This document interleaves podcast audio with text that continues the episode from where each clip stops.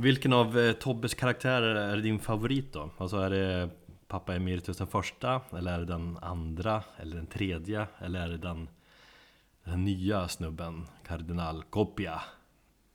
Finns ju en femte också, eh, Pappa Zero. Ja, Jag har börjat märka just nu att folk har eh, en personlig favorit. Jag vet inte riktigt om jag har någon. det brukar vara sammankopplat till vilken skiva man gillar mest kanske. Eh, Ja, det skulle nog i så fall vara Pappa 2 då. Mm. Tror jag. Han, det, är väl, det är väl dödskallesminkningen, eller hur? Ja, Mm. Jag tror väl att de flesta tycker om den mest. jag gillar ju också tvåan bäst eftersom det var Alltså utvecklingen och, och själva kvallan på masken och så här var ju så mycket bättre Mm. Från första upplagan Och han ser mest evil looking också Men jag tycker ändå Cardinal Copia-looken är lite cool. Den blir lite mafioso. Jag diggar det. Jag saknar pappa. Men okej, det är bra med utveckling och förnyelse.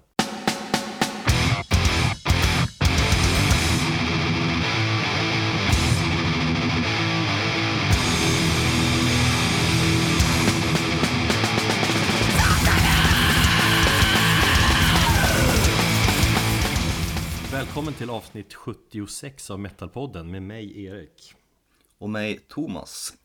Avsnitt 76, det är ett specialavsnitt skulle man kunna säga. Mm, för att imorgon när vi släpper det här då, för imorgon första juni så släpps Ghost nya album Prequel, Prequel. Prequel. Prequel, hur man nu säger Men eh, då, därför har vi ju då självklart passat på och intervjuat Tobias Forge eh, Det vill säga mannen bakom bandet Ghost och även frontfigur i bandet Det vet ju alla om vid det här laget Ja, det är väl ingen större hemlighet. Ja, alla som är lite intresserade av bandet har ju kunnat googla fram det hela så att säga Vad ska jag säga? Jo, men vi fick äran att träffa honom på Capital Records kontor på Södermalm i Stockholm En dag i april. Det var i början av april ja. Ja, 10-11 april där. Solig eh, förmiddag och och fint väder var det. Absolut, och peppen var ganska total. Och vi var, vi var först ut med att få intervjun också. Halv tio på morgonen. Var det inte tidigare? Nej, det kanske inte var. Nej, halv tio. exakt. Först ut av alla svenska journalister som skulle intervjua honom. Han kom ju några minuter sent, eh, klädd helt i svart. Tänkte du på det? Svarta jeans, svarta kängor, svart eh, tröja, svart skinnjacka. Ja, skinnjackan tänkte jag på. Det är ju den som man har haft på lite andra promobilder också. Just det, med lite patchar på. Jag tänkte på Kiss och eh, Venom. Svartfärgat hår har han ju också, garanterat. Vä- väldigt trevlig snubbe får man ju säga också. Vältalig. Ja, verkligen. Sympatisk och eh, professionell. Mm. Man kände ju att man var lite nervös innan också. Jag tror både du och jag var det. Trots din erfarenhet. Vi sprang ju båda på dass minuten innan han kom. Ner- ner- nervös kissade. Ja, jag tror jag raket eh, nervös bajsade. På riktigt? Ja, Oj då. Jag, alltså jag brukar ju vara nervös och, och lite spänd inför varenda intervju. Jag tycker så någonstans att efter att man har gjort det här i snart ja, men 15 år så borde ju nervositeten kanske försvinna. Men jag har insett att det är faktiskt en ganska bra grej att vara lite nervös. det är som alla säger. Man ska vara lite nervös, annars är det inte på riktigt. Men med det sagt så vill jag säga att jag inte var nervös inför den här intervjun. Och det är för att jag hade Dave vid min sida. Och då, det är därför du ska vara nervös. Hoppas att Erik fuckar upp det här nu då. Nej, men det verkar inte. Utan jag kände att jag hade någon som jag kunde förlita mig på och, och, och liksom luta mig tillbaka till om jag själv skulle ja, balla ur eller någonting. Så att på något sätt så tyckte jag att du, vi kompletterade varandra under själva intervjun. Mm. Ja men det är det som är fördelen när man är två faktiskt. Mm. säger Det jag däremot eh, nojade över och det var ju att allt tekniskt skulle funka. Ja. Och att vi skulle hålla oss inom tidsramarna och att ingenting skulle liksom... I och med att det var begränsad tid, det var otroligt många eh, tidningar och olika medier som skulle göra intervjun. Så var det ju begränsat och man var tvungen att hålla en tidsplan. Mm. Och vi hade skrivit ner eh, ganska många frågor som vi Vi tog bort hälften och så sen av de där hälften som vi hade kvar så hann vi väl gå igenom Eller hann vi väl ställa typ en tredjedel En tredje- Ja. Eh, Men han är ju väldigt tacksam att intervjua eftersom han ger så många Eller så långa och utförliga svar Får man väl säga Ja, och man kan egentligen bara ställa en fråga och sen så spinna vidare på den. Ja, så det gör ju inte så mycket att vi inte hann med allt Förutom det här med covers, jag hade ju tänkt att fråga eller hinna prata lite med covers med honom. Alltså hur, eller varför det är så stor del av- Ghost. Mm. Och så hade jag tänkt föreslå att de borde göra en cover på Alice Coopers eh, The Man Behind the Mask. Och se vad han hade svarat då. Mm. För han gillar Alice Cooper, titeln tycker jag är ju passande och det är en bra låt. Eller jag tror den skulle passa bra i Ghost-skrud om man säger så. Någonting mer du vill säga? Innan vi kastar oss in i det hela. Nej, det är jävligt kul att vi fick till den här intervjun. Du och jag pratade ju om det ja, typ för ett år sedan. Att det vore jäkligt kul att få till en intervju med ehm, Tobias Forge och, och Ghost någon gång. Och egentligen, det gick ju ganska smidigt att få till den. Mm. Det var lite, lite förhandlingar och sånt där för, för att liksom få till stånd en intervju. Men, men jag kände att har vi gjort Tobias Forge så kan vi egentligen ta oss an vem som helst. The sky Eller hur? is the limit. Ja, ja. Nej men jag hade ju en liten skämtsamt, eh, så sa jag ju förra året att vi borde ju intervjua Metallica när de är. Nu har ju Metallica redan spelat och det var kanske svårt att få till den intervjun men, men någon gång, jag tycker man borde definitivt sikta på det. Nästa år när de gör stadionspelning i, i Sverige, då ska vi försöka åtminstone få till en intervju med, med någon i bandet. Med den med Hetfield, den lite svåra Hetfield. Ja, ja Hetfield vore, eller Hammett. Om du som lyssnar gillar det här och gillar det vi gör och vill stödja oss och därmed eh, möjliggöra för oss att eh, satsa ännu mer på vår fina podd så kan du signa upp på patreon.com metalpodden. Där kan du bli en så kallad patron på olika nivåer och eh, få belöningar tillbaka i form av eh, Metalpodden Pins, eh, Metalpodden Mugg som är mycket uppskattad och eller bestämma ett ämne i podden. Nu tycker jag vi lyssnar på när vi intervjuar Tobias Forge i Ghost. Håll till godo.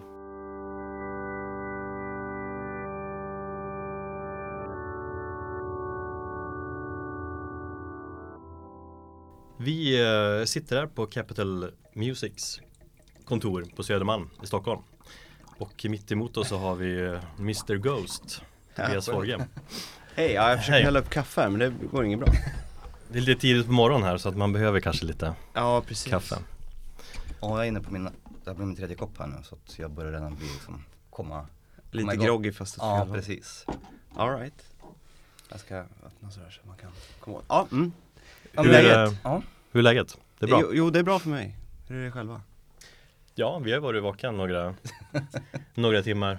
Småbarnsfarsorna. Alright, right, right. Eh, Precis som du eh, Ja. är. ja, mina är inte så små längre så att Hur gamla är de? de är nio Okej. De går i skolan och Ja, okej, men de är självständiga. Ja, vars Vi försöker väl att vänja oss av vid den här curlandet som man sysslar med Ja. nu för tiden Ja, Men- vi, vi båda är ju fast i småbarnsträsket så att det, Tre det, och, tre och ett år gamla så att vi vi känner att vi, vi får inte ihop ett eh, skit. Vi försöker göra en podd eh, en gång varannan vecka liksom. Och, Ja, ja, och kämpa med det. Eh, vi tänkte att du skulle ha något tips. Hur, hur klarar man det? Tvåbarnslivet så här, du som är ute och reser. Mycket så här Ja, också. tyvärr så, så ställer det väl ganska höga krav på min bättre hälft då Mm. eh, Har det väl gjort genom åren Så att eh, det hade nog inte gått Eller det hade givetvis inte gått utan henne Nej. eh, Så det är ju väldigt Jag är ju, det är en himla ynnest alltså att, att ha det på det här sättet givetvis Ehm, ja, men I övrigt så är det liksom, jag tror att ett, ett bra tips är väl att egentligen här, liksom härda ut lite. Alltså om vi ser det ur, ur ett helt somnambult perspektiv där Mm. man liksom tycker att det är väldigt jobbigt i början med att man inte får sova helt enkelt. Det är ju, det är ju, det finns ju en anledning varför man torterar människor med Mm. att de inte får sova. Så och det, jag, jag tror också även eh, Även som pappa där man inte riktigt har samma biologiska eh, erfarenhet av själva förlossning och, och havandet så blir det ju lite som en chock mm. när man får barn. Man, är- Mm. man är inte fysiskt inställd på det. Mentalt kan man vara inställd men fysiskt så blir det en ganska jobbig eh, omställning. Men det går ju över. Alltså Det blir bättre. Ja men det, det, men det, gör ju, det blir ju det. Ja, Rätt vad det så ligger de ju dräller hela dagarna Ja. istället. Ja. Nej men som du säger det här med, med, med bättre hälft. Eh, vi har ju liksom verkligen haft turen med att få våra bättre hälfter som tar väldigt mycket av våran smällar när vi när vi försöker få ihop podden och sånt där. Så att det, det är väldigt mycket tack vare våra partners som man får saker att funka, som du säger Mm. själv. Liksom. Mm. Du, ehm, jag intervjuade dig 2015 Mm. i Linköping. Mm. Så var jag hemma hos dig, Mm. på kaffe och lyssnade på soundtracket till Dracula, Bram Stokers Dracula var det. Mm, just det. Det har ju hänt lite grann sedan dess. Ja. Eh, bland annat så märkte jag att ehm, kontakter då jämfört med, med nu, det var en helt annan eh, nivå. Då var det så här, men här är mitt telefonnummer, ring mig när du är på plats.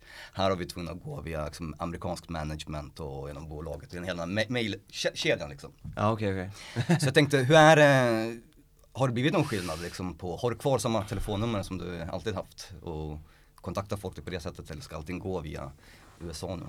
Ja, ja, för att svara på min första fråga, så nej jag har inte samma telefonnummer nu som jag hade då. Nej.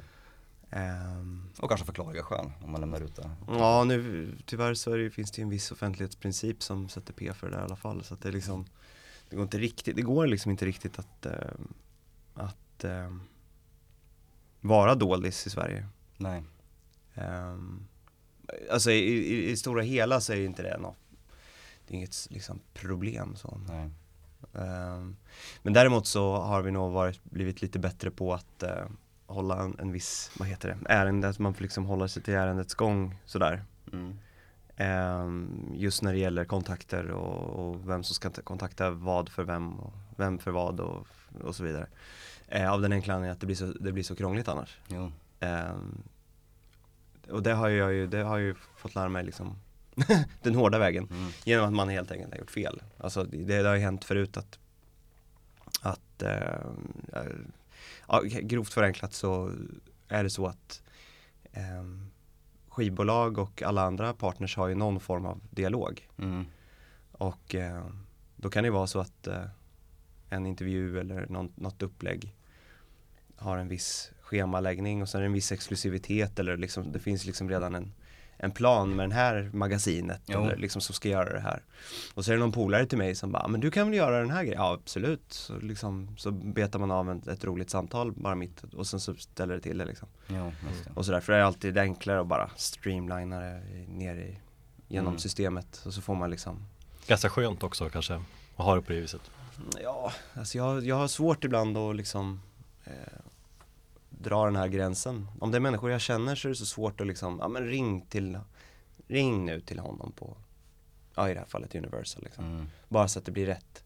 Ja men vi kan väl bara, ja men eh, Ja, som sagt, för det Då var... måste jag ringa och ändå få ihop det där och så Mm, till slut så ja, blir det ändå liksom tre samtal senare så ska det liksom Mm. Nej, för som sagt, det var betydligt mycket mer mejlande fram och tillbaka, få till detaljerna här och sen tänkte jag, då, då, då kom jag tänka på när jag åkte till Linköping, det var bara att sätta sig på ett tåg ungefär. Här är Tobias nummer, ring honom när, när, när du är på plats. Ja. Så det var så mycket, så mycket mm, annorlunda då. Och det har ju hänt lite grann sedan dess, under de här tre åren. Med, Ja. med bandet sådär, att jag tänkte att då kanske man, man på något sätt förflyttar, det är inte som att intervjua ett, ja, ett gammalt dödsmetallband och man träffas hemma i källaren liksom och bara snackar så här. Som du säger. Det är på en annan nivå. Ja. När vi började förbereda eller ställa lite frågor, Mm. eller skulle skriva frågorna här så hade vi båda skrivit eh, ditt efternamn Mm. med, med ett frågetecken, Forge. Eh, och var lite fundersam vad, vad, var det kommer ifrån. Mm. Det är taget nu. Alright, Ehm, tack så mycket. eh, det var egentligen min mammas första man som hette Forge. Mm. Ehm, så att, eh, nej det är, inte så, det är inte svårare än så. Min mamma och pappa var aldrig gifta. Så att Okej. jag fick automatiskt min mammas namn. Eh, men det är taget, det är taget någon gång på eh, 60-talet tror jag. Mm. Sådär. Och det är min storebrors pappa som hette Forge. Eller döpte om sig till Forge. Mm. Du gissade på ett soldatnamn. Ja, jag tänkte att det fanns några kopplingar till kanske någon gammal svensk eh, vet, soldat, ja, soldat eller gammal svensk kultur. Du vet, bon- bondesamhället som här ska forga ut och, och, och kriga liksom. Carl Gustav eller någonting sånt där. Tänkte att Nej, det kan någon lite längre bakåt så trodde jag. Ja, precis. Nej, jag, Det klingar ju. Ja, det, det, det, det klingar llite så här vallonskt. Och det Precis. är ju, det fi- finns väl en viss bakgrund med det här då kanske som jag skulle kunna. Det skulle kunna varit det. Mm. Eh, för jag kommer ju från, som de flesta andra, från en vallon, vallonsk familj Mm. sådär. Och sådär. Eh, men jag vet inte fasen vad de hette egentligen. Jag vet, för att det, egentligen är det ganska enkelt för min om jag bara fokuserar bara på min mormor så kom, hon var liksom den, en av de första liksom utbrytarna från sin familj. Mm. Och eh, hon är liksom uppvuxen på en gård utanför Rättvik som heter Mortanberg. Ehm, och där, som jag har fått intrycket av det så har liksom alla i den, på den gården där har liksom stannat där Mm. Eh, i flera, år, liksom flera århundraden från att det var någon vallon som kom dit och satte ner käpparna där. Men, men eh, jag har faktiskt inte en aning om vad de heter. Så att Forge är taget och, All right. mm. så vi håller på att starta vår egen ett. Mm. Mm. Ja men det är så man får göra lite grann. Jag har ju på, eh, påbrå, eller en polsk bakgrund då. Ja, Men samtidigt känner jag att jag är tillsammans med en svensk tjej så det kommer starta någonting nytt här liksom. ja, ja. Så att den polska försvinner. Så får ni ta något nytt namn ni också. Ja, precis. eh, du har ju pratat eh, väldigt öppet i både Värvet Mm. och eh, i Sommar i P1. Nej, det är bra tack. Och någonting som slog mig och slog oss båda är att du, du är väldigt öppen. Du är väldigt ödmjuk i båda snacken och du har lätt till, till känslorna ja. tycker jag. Är du en känslig person? Ja, vars. Ganska. Mm. Fast det, det går ju both ways liksom. Så att Mm. man ehm, Jo men det tycker jag väl. På gott och ont också. Våran tagline för podden är att eh, vi gör en- som en podcast, eh, hård musik av mjuka killar. Ja. Vi är egentligen ganska softa och vill bryta den här normen och, och även om man är tatuerad och ibland tycker kul att scro- eh, scrolla Slayer och vara full så finns det en annan sida till hårdrockarna också. Jag försöker slå hål på den här stereotypiska hårdrockaren liksom. Mm. Och det får man ju känslan att du inte är den typen heller. Nej. Jag har nog varit lite mer stereotyp. Alltså Mm. när jag var liksom, ja men i ungdomen sådär så var jag ju väldigt, då var jag nog väldigt sur och förbannad och, och Lite rebellisk, ja men de har väl kanske alla Det varit. exakt, det kanske är en mognadsgrej mycket. Att man, Det man, tror jag, jo men herregud, alltså det, så tycker jag ju verkligen när man tittar tillbaks på, liksom, speciellt min högstadieperiod och sådär var ju inget bra. Jag var inget snäll och jag var inget, inte alls särskilt sympatisk tyvärr. Mm. Men eh, det, det, det var ju också liksom en produkt av delvis så hormoner och, och sen är det ju så lätt att snea när man är, när man är tonåring liksom. Det, det är ganska många stjärnor som ska liksom ställa sig på i rak linje för att man ska ha en så att säga problemfri pubertet. Eh, och det är ju ganska verklighetsfrånvänt att ha de förväntningarna men där och då så, så upplever man sig som extremt oförrättad liksom om man inte Jag eh, tänker, tänker så att, speciellt nu när man har blivit liksom, vi alla har, är ju ungefär samma ålder, Mm. på 80-talet. Eh, att man omvärderar livet mer och när man blir äldre och speciellt när man får barn liksom. Att det går mycket snabbare och man kanske inte håller vid saker som man var arg på lika länge som förut liksom. Man mjuknar upp på något sätt. Ja det tror jag. Alltså jag tror ju att barn har en, den effekten på att man har, att man, ens empatiska eh, kvaliteter utforskas lite mera. Mm. Man får ett perspektiv på saker och ting som eh, man kanske inte intuitivt hade så lätt till innan. Jo. För man liksom inte riktigt såg ehm, Idag har jag väldigt lätt att liksom ändå eh, försöka se någon form av föräldraperspektiv på en person som jag kanske på något sätt får någon form av negativ känsla emot. Va? Mm. Så kan man ändå bara, men ja, jag vet inte, det men, men, men snabbt formulerar man en tanke att ja, men det här är ju någons son liksom. Det är ju det är ju mer ledsamt att den här personen gör så här eller Ja. att det liksom Mm, ja, verkligen. vad, vad, vad hemskt, vad pinsamt liksom. Ja, ja. Eller liksom vad jag skulle, usch vad jag skulle ömma för den här Mm. idioten om jag vore farsa för henne. Eller, men liksom, på, på ett sätt som man absolut inte tänkt givetvis som 18-åring. Det, Nej, man hade ju inte den, man hade inte så lätt att tänka på det sättet. Ja, då var man ju fortfarande ett barn i princip. Ja, Trodde att man var vuxen eller man försökte komma i det stadiet i alla fall. Ja, det, jag tror det är ett, ett väldigt vanligt misstag som åtminstone jag är väldigt eh, skyldig till. ehm, att under hela min, eh, framförallt när jag gick i högstadiet och, och, och liksom ända fram till jag var liksom 20 20-årsåldern. Att jag hela tiden var intresserad av att vara äldre än vad jag var.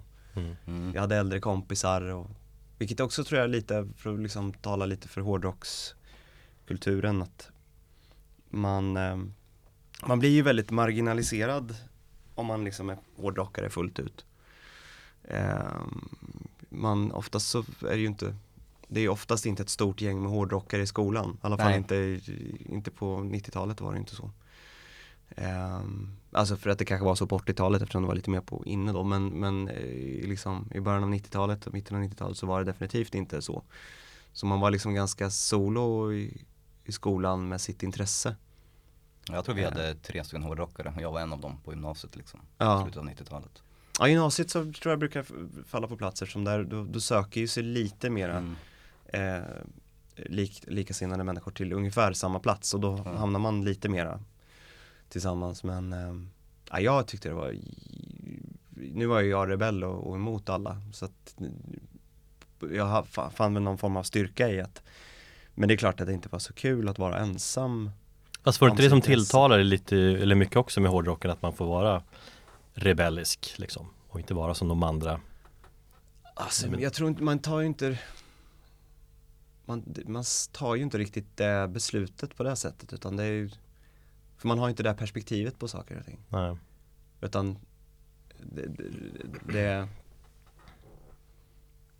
Jag vet inte, jag, jag, jag I och med att jag, min storebror var så mycket äldre än vad jag var Som jag berättat om så um, Och han flyttade ut när han liksom var, blev stor så blev jag liksom uppvuxen i ett ensam Jag var ju ensam barn, alltså trots att jag hade sex syskon en gång i tiden Så är jag uppvuxen själv liksom med min mamma.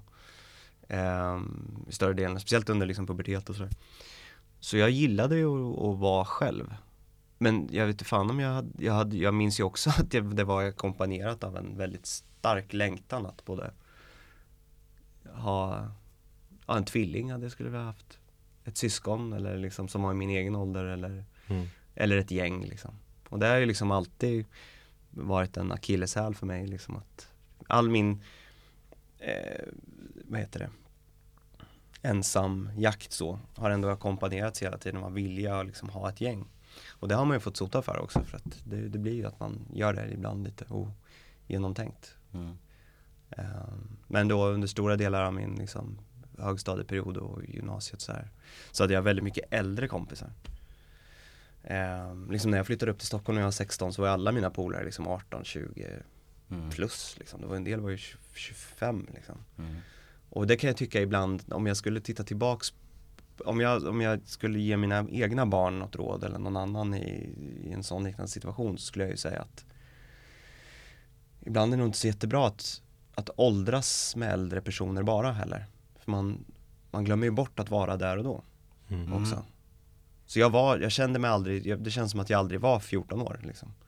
Det är ganska intressant att se det för att jag har eh, min äldsta grabb, han är tre och ett halvt och han umgås ju bara med äldre barn. Mm. Ja, förutom då på, på förskolan men och jag ser att han är mentalt liksom fem Alltså han vill vara vid fem sex års ålder hela tiden. Han kollar på program som är fem han vill leka leksaker som de äldre barnen har och sånt där. Mm.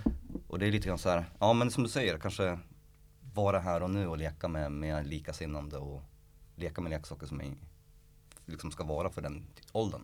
Mm. Jag var också sådär, jag, jag umgicks också mycket äldre människor på min, under gymnasiet och, och jag gjorde ju min alltså, uppror och rebell, hårdrocks, det här eh, upproret mot mina föräldrar gjorde jag när jag var 25 år gammal. Så det är ganska sent. Mm. Så att, Ja men det är på gott och ont, Ja. än, än en gång för att begagna samma term Det finns ju massa fördelar med det, jag, jag är ju en stark förespråkare att man i alla åldrar i livet ska liksom på något sätt Värna om en relation med äldre personer. Mm, Oavsett om det är någon som är 10 år äldre eller 50 år äldre, att man, det, det finns ju mycket att lära av det också. Men jag tror att det är viktigt att man på något sätt försöker att omfamna Eh, framförallt ung- ungdom och pubertet. Jag, jag, jag liksom tyckte ju att alla är mina jämnåriga, med några undantag, liksom mina barndomskompisar sådär, men att de flesta inte förstod mig och inte var med på mitt och jag hade liksom sett in i någonting mycket större och någonting mycket mer vuxet och mycket coolare liksom. Mm. Och det var ju, det, det var ju liksom en, en en trosuppfattning jag hade där och då att det var bättre. Medan idag så tycker jag ju att det var fan vad synd liksom. mm, Jag borde ha hängt med på den där klassresan som jag givetvis inte hängde med på i Mm. nian. Liksom. För jag tyckte det var astöntigt. Mm. Man hade, man hade Liksom, bråttom att växa upp kanske. Ja men precis, det var för bråttom och det är synd. Nu, nu, liksom, nu kan jag inte sitta och sura över det idag men jag skulle ju definitivt säga det till någon som hade det framför sig att det kan vara värt att Leva i nuet och ha Så gott bråttom. Så gott det går i alla fall. Jag tänker att du kände dig lite ensam där som i din ungdom Samtidigt driver du ett band i stort sett ensam idag Har du någon koppling? Tror du? Alltså det är, jag, jag, jag finner ju mig själv i en situation som jag egentligen alltid har varit i Mm. På gott och ont, eller på, på i någon form av, eller en annan liksom Jag har ju genomgått samma procedurer På olika nivåer ända sedan jag liksom startade mitt första band liksom Mm. När jag gick i, ja med sju band liksom. Och Jag tror att det är det där, det svåra när man är, i alla fall om man är lagd som jag att mm, Jag tycker ju inte bara att det är kul att lira lite gitarr utan jag tycker ju att det är jättekul med allt som har med skapande processen att göra. Så att i alla lägen när jag liksom har kommit på en idé till ett band då har det ju liksom redan funnits ett gäng låtar och en logotyp och ett namn och Mm. eh, liksom någon form av inriktning för vad jag vill göra. Men har du input i allting som även rör kring Ghost och sådär? Jag tänkte på merch och sånt där, att du, det är dina idéer först och främst. Mm, Ja nu för tiden är det ju liksom ett sånt himla eh, Det är en sån himla apparat. Jag har ju liksom bestämmande rätt i, i- slutändan vad det vi ska göra för någonting. Men, men eh, om vi bara talar om merch Mm. så är ju det som, det är ju som en strilström av eh, Delvis har vi ju massor med människor som eh, tar egna initiativ och ritar saker. Mm. Eh, Det mesta av det är ju, tackar man och bockar mest för att det är kul att man inspirerar folk Ja. Men eh, det är ju väldigt mycket av grejerna som vi har eh, så att säga anammat som har liksom ritats på eget initiativ av någon Mm. Som man helt enkelt ser någonstans och bara, gud vad snygg den här var Mm. Och sen så kontaktar vi dem och så licensierar vi den och, eller Mm. köper den designen och sen så eh, Men den är ju ändå baserad på en på en, på, ja, för att uttrycka mig plumpt, på, på copyright som jag har, som Ja. jag har skapat liksom på Mm. något sätt Men jag sitter ju inte och ritar varje design, absolut inte Nej. Eh, Men det är jag som till syvende och sist har den Har ett veto i det och jag, oftast brukar jag vara med och peta med det mesta eftersom eh, Jag har vissa Strukturer sådär, vissa guidelines som jag gärna följer som Som eh, till i alla fall 95% försöks efterlevas liksom så gott det går liksom Mm. Och jag är väldigt sådär, jag, jag, jag har ju alltid varit och det har ju också varit för att återknyta till till eh, min problematik med liksom egentligen att upprätthålla ett band Det är för att jag oftast haft en idé som har, som har varit liksom så här oomkullrunkligt förstenad i mitt huvud hur jag vill att saker och ting ska vara Mm. och sen att det inte alltid är så kontemporära grejer. När jag höll på med dödsmetall så var det ju Om det var i liksom slutet av 90-talet så var jag ju bara intresserad av saker som hade hänt tio år tidigare. Just ja.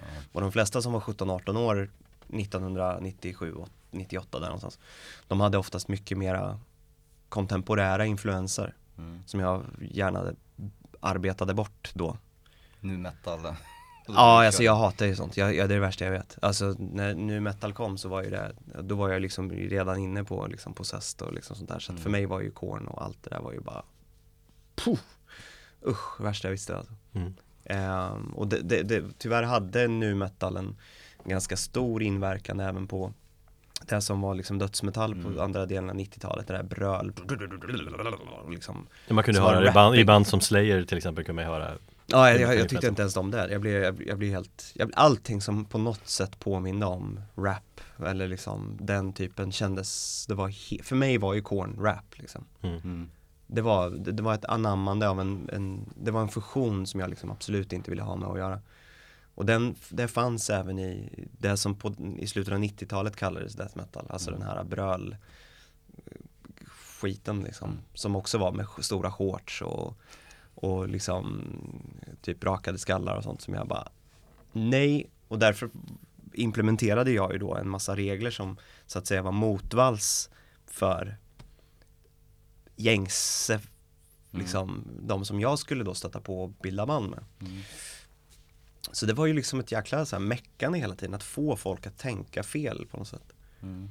Eh, för jag, jag är inte helt övertygad om att det som jag, nu råkade jag få till det liksom, men jag tycker ju inte att heller att det är särskilt vettigt att vara så envist ur led med tiden. Det blir ju opraktiskt liksom. Ja, och samtidigt om man har en, eh, en vision eller någonting som man vill göra, då ska man ska på något sätt följa den.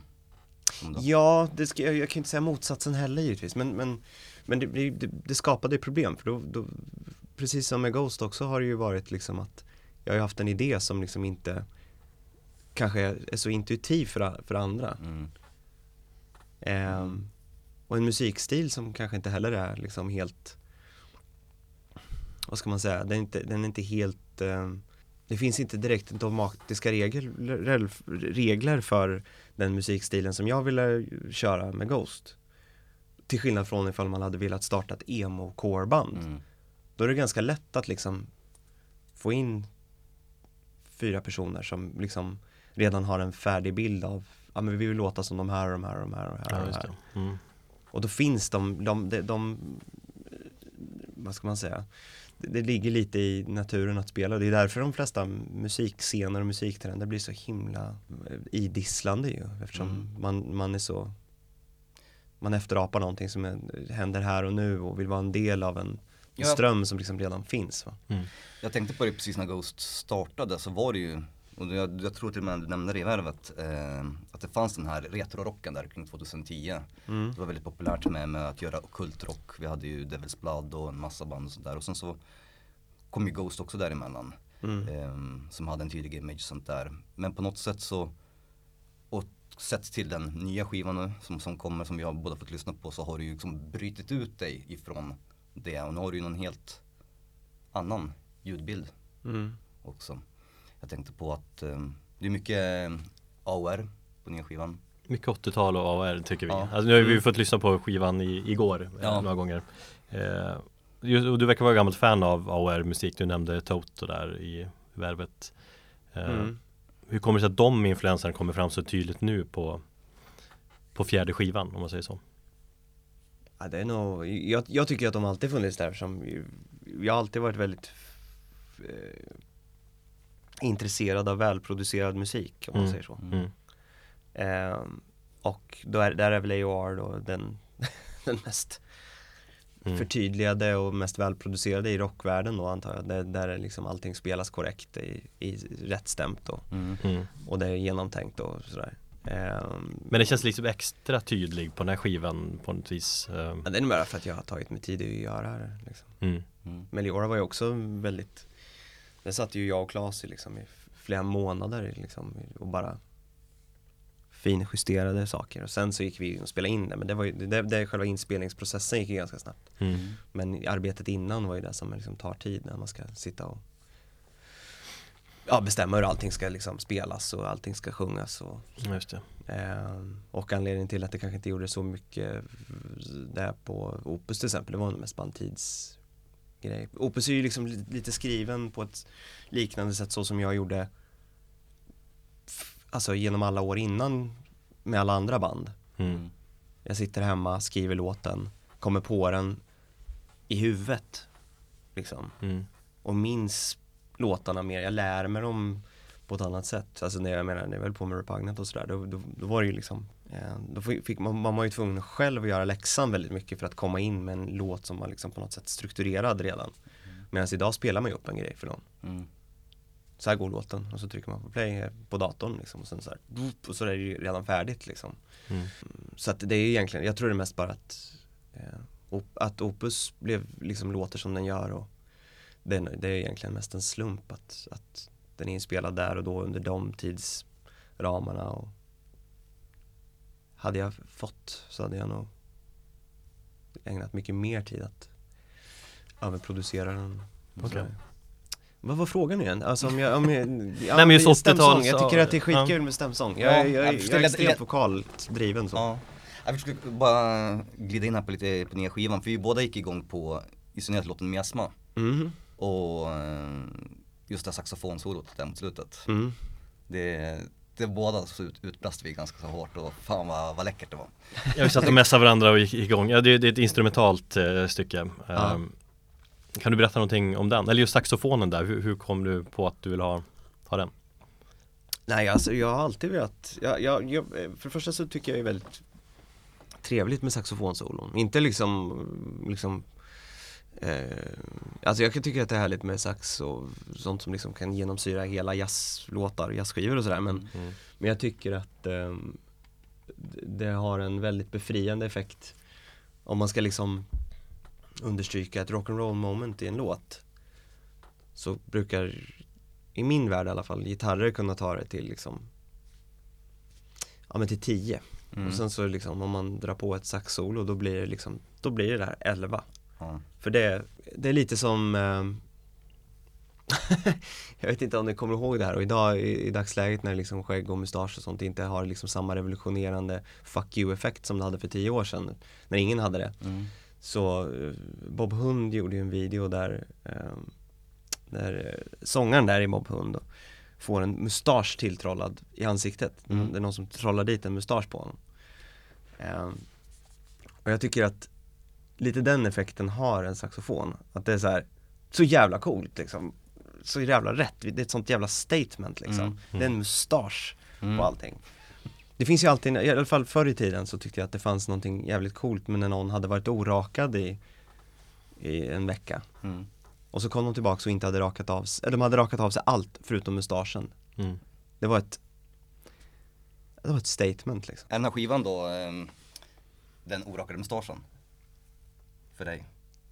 Ja det är den slätrakade Ja, ja, kinden och sen ja. den definierade mustaschen. Ja, det tycker jag. Jag tycker att det, det, det delvis är ju den Låten är ju konstruerad så att den är Alla spelar unisont samma sak Mer eller mindre tre, ett, ett, det första partiet tre gånger. Och sen så kommer ett annat parti i andra hälften av låten som är liksom upptempo och, och ehm, Där är det lite mera fri form ska det väl låta som. Och det är liksom solodueller där och då är det först ett gitarrsolo av ena gitarristen och sen så är det ett keyboardsolo och sen ska den andra gitarristen spela Mm. det andra solot Och då blir det, för mig blir det liksom helt antiklimax Om de bara hade ramlat ner i ett stämsolo ihop där och, eller att de hade spelat till gitarrsolo Det går inte liksom att ta det en, ett steg till, så vad är det givna nästa steget? Ja det är Mm. sax Ja, ja jag, jag tycker att det, ja, som du säger, det, det ger en, en skruvar upp låten när den kommer in där. Och man känner så här att, fan, den liksom går upp ett snäpp. Det blir en elva liksom. Ja men jag tycker det och Vi har väl det- pratat om i podden också att vi, saxofon eh, kommer mer och mer i metal. Vi har sett det, vissa band an- börjar använda sax så att det okej kanske är något Ja, norska Shining använder ju saxofon. Eh, Rivers of Nihil som du pratade om, ett dödsmetallband som kör en väldigt teknisk, kör ju saxofon också så att mm. ja, Jag tycker att det, det är någonting Alltså saxofon kan ju vara så otroligt smörigt också om du kör Kenny G-aktigt liksom. Mm, Men det kan också tillföra någonting jävligt snyggt. precis Mm. Om man använder det på rätt sätt eller kanske i rätt, på rätt sätt, mm, i rätt syfte liksom, i, i, i låten. Ja det är jäkligt coolt Det finns ett gammalt hardcoreband som heter Siege som hade det Mm. på en, äh, en demo är det väl egentligen Men ja, demos räknas ju som släpp i den världen men eh, Som var ganska coolt eh, Så finns ett jävligt weird band som heter Naked City som också där blandade in sådana där grejer Men jag har missat de här grejerna som ni pratar om Shining har jag hört att de eventuellt skulle göra men jag mm. De kör det väldigt dålig. mycket De kör black Frontfiguren där, ja de kallar Black Jazz är deras stil Ja just det, just liksom. det. Ja, jag är fan dåligt inlyssnad på dem alltså, Mm. ska jag säga Ja, Tyvärr. Ska jag... Ja, nu skäms jag Men du, ehm, det är ju ingen påve med den här gången. Nej Då är det en kardinal. Ja, det är det förresten. Det är bara att han inte sjunger. Okej, ja. Men finns det någon, är det någon tematiskt att det finns, för skivan heter ju också Prequel. Mm. Så det, jag antar att det här är tiden före kanske den första plattan eller hur har du tänkt dig där? Just, Ja, så det är det är ju, det- hela skivan är ju, och dess tema och dess namn ju- det, det har många betydelser men, men det är definitivt ett kronologiskt hopp bakåt som ska på något sätt signalera någon form av cirkulation. mm. Ehm, och ehm, Jag minns en sak som du sa när, när, när vi pratades vid för tre år sedan. Mhm. Det var att nästa, då pratade vi om miljöåret, så nästa skiva har jag en tanke om att då ska det handla om vad som händer när Gud är borta. Ja, jag borde ha sagt att Meliora var om Var det den? Ja, för att tanken var ju redan liksom innan Innan Meliora släpptes, eller innan Meliora spelades in så hade jag ju två idéer och det ena var ju en En skiva som handlade om Guds frånvaro och sen så Hans liksom Mm. retur, jag på att säga, hans, Ja, eh, ja, okej, hans ja. återkomst Mm. Ehm, Och ehm, det var ju egentligen Claes som fick valet Mm. Vill göra en futuristisk skiva, den ena är futuristisk och den Mm. andra är liksom medeltida och Ja då vill han göra den futuristiska, ja okej Då, då hamnade right. liksom Mm. Okej. medeltidspestplattan åt sidan då Mm. Men det passade ganska bra för då ehm, då kunde eh, Ja men det blev, det, blev- och där föddes den här idén då att det skulle tillbaks i tiden och det skulle göras en, eh, en liten rokad också i, i, i styret Mm. Eh, delvis för att det är så jävla tråkigt om det bara hade fortsatt. Eh, sen så tror jag att det finns en, en jag tror att det finns en, en något, eh, lite som jag pratade om förut, det finns någonting värdefullt i att implementera en viss, eh, ska man säga, succession och även en, ett, ett visst förtjänande av, av en titel Mm. som man kanske får se. Det är det som är lite lustigt med, med Ghost som koncept. Som jag har pratat om ganska mycket att som vanlig artist som inte har en, en, en ganska tydlig image på det här sättet så sköter ju ens åldrande ofta det narrativa framåt. Mm. Mm, just det. Just, ja. Ehm, och eftersom det fram till ganska nyligen inte fanns någon riktig story liksom ehm, så, så var det ju viktigt att det skulle liksom, det måste finnas någon, någon, någon form av åldrings eller någon form, ja någon form av utvecklingsprocess som man får följa. Mm. Ehm, så därför, ja, blev det på det här sättet. All right. Mm. Du, är, du sjunger ju på skivan och du skriver låtarna så. Hur mycket spelar du på skivan? Jag spelar ju ganska mycket ehm, i, i skapandet av plattan, så brukar, eller alla plattorna så spelar jag ju allting liksom. Mm. Ehm, så att jag, jag kör ju själva instrumenteringen men, men eh, Du visar hur man, hur man spelar. Eller, Ja, alltså när, när, jag, när jag skriver en låt då, då kommer jag liksom på allt. Alltså Mm. alla trummor och all bas och liksom sådär. Och även om någon annan kommer med en idé så brukar det liksom eh, spelandet eller själva riffandet eller brukar ändå gå via min hand på något sätt för att det Mm. ska liksom låta på ett speciellt sätt.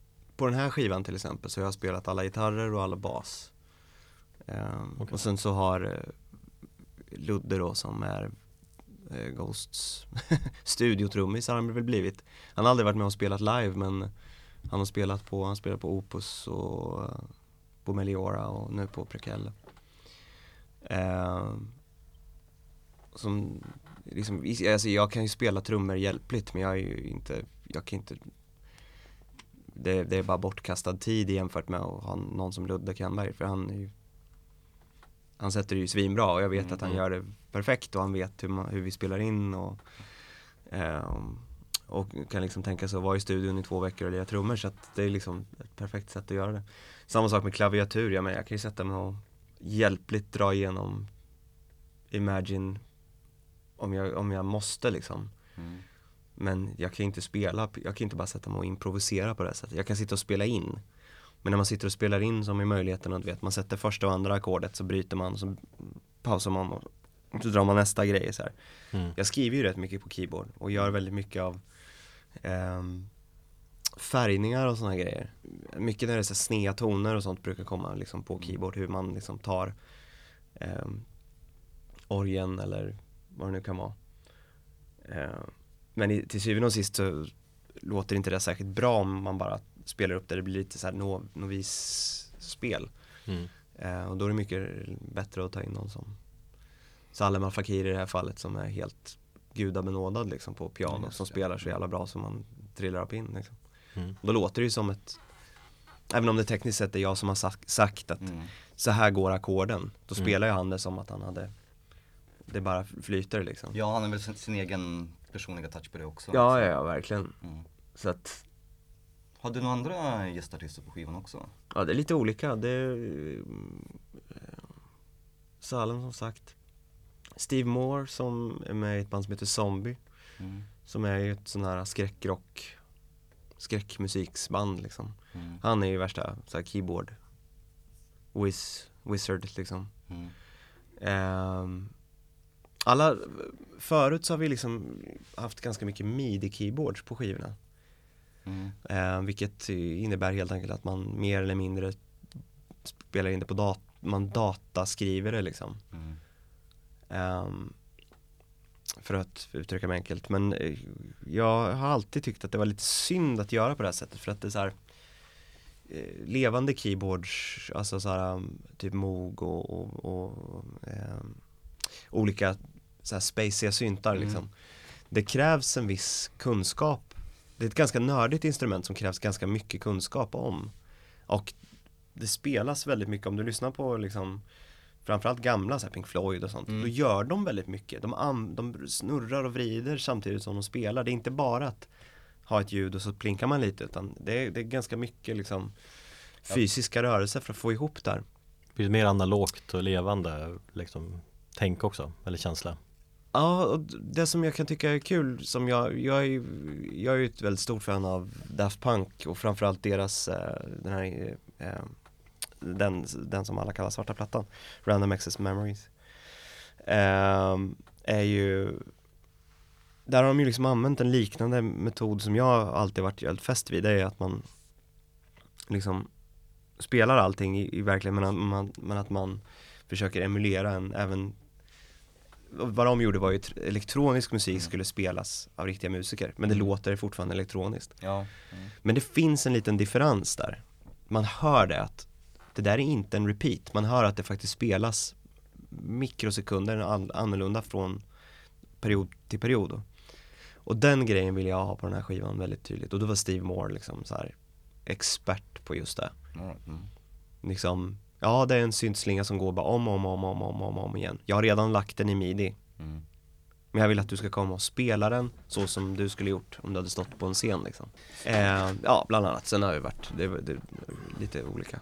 Precis. Eh, det, är, det är mindre än en månad kvar va, tills USA-turnén Mm. är igång.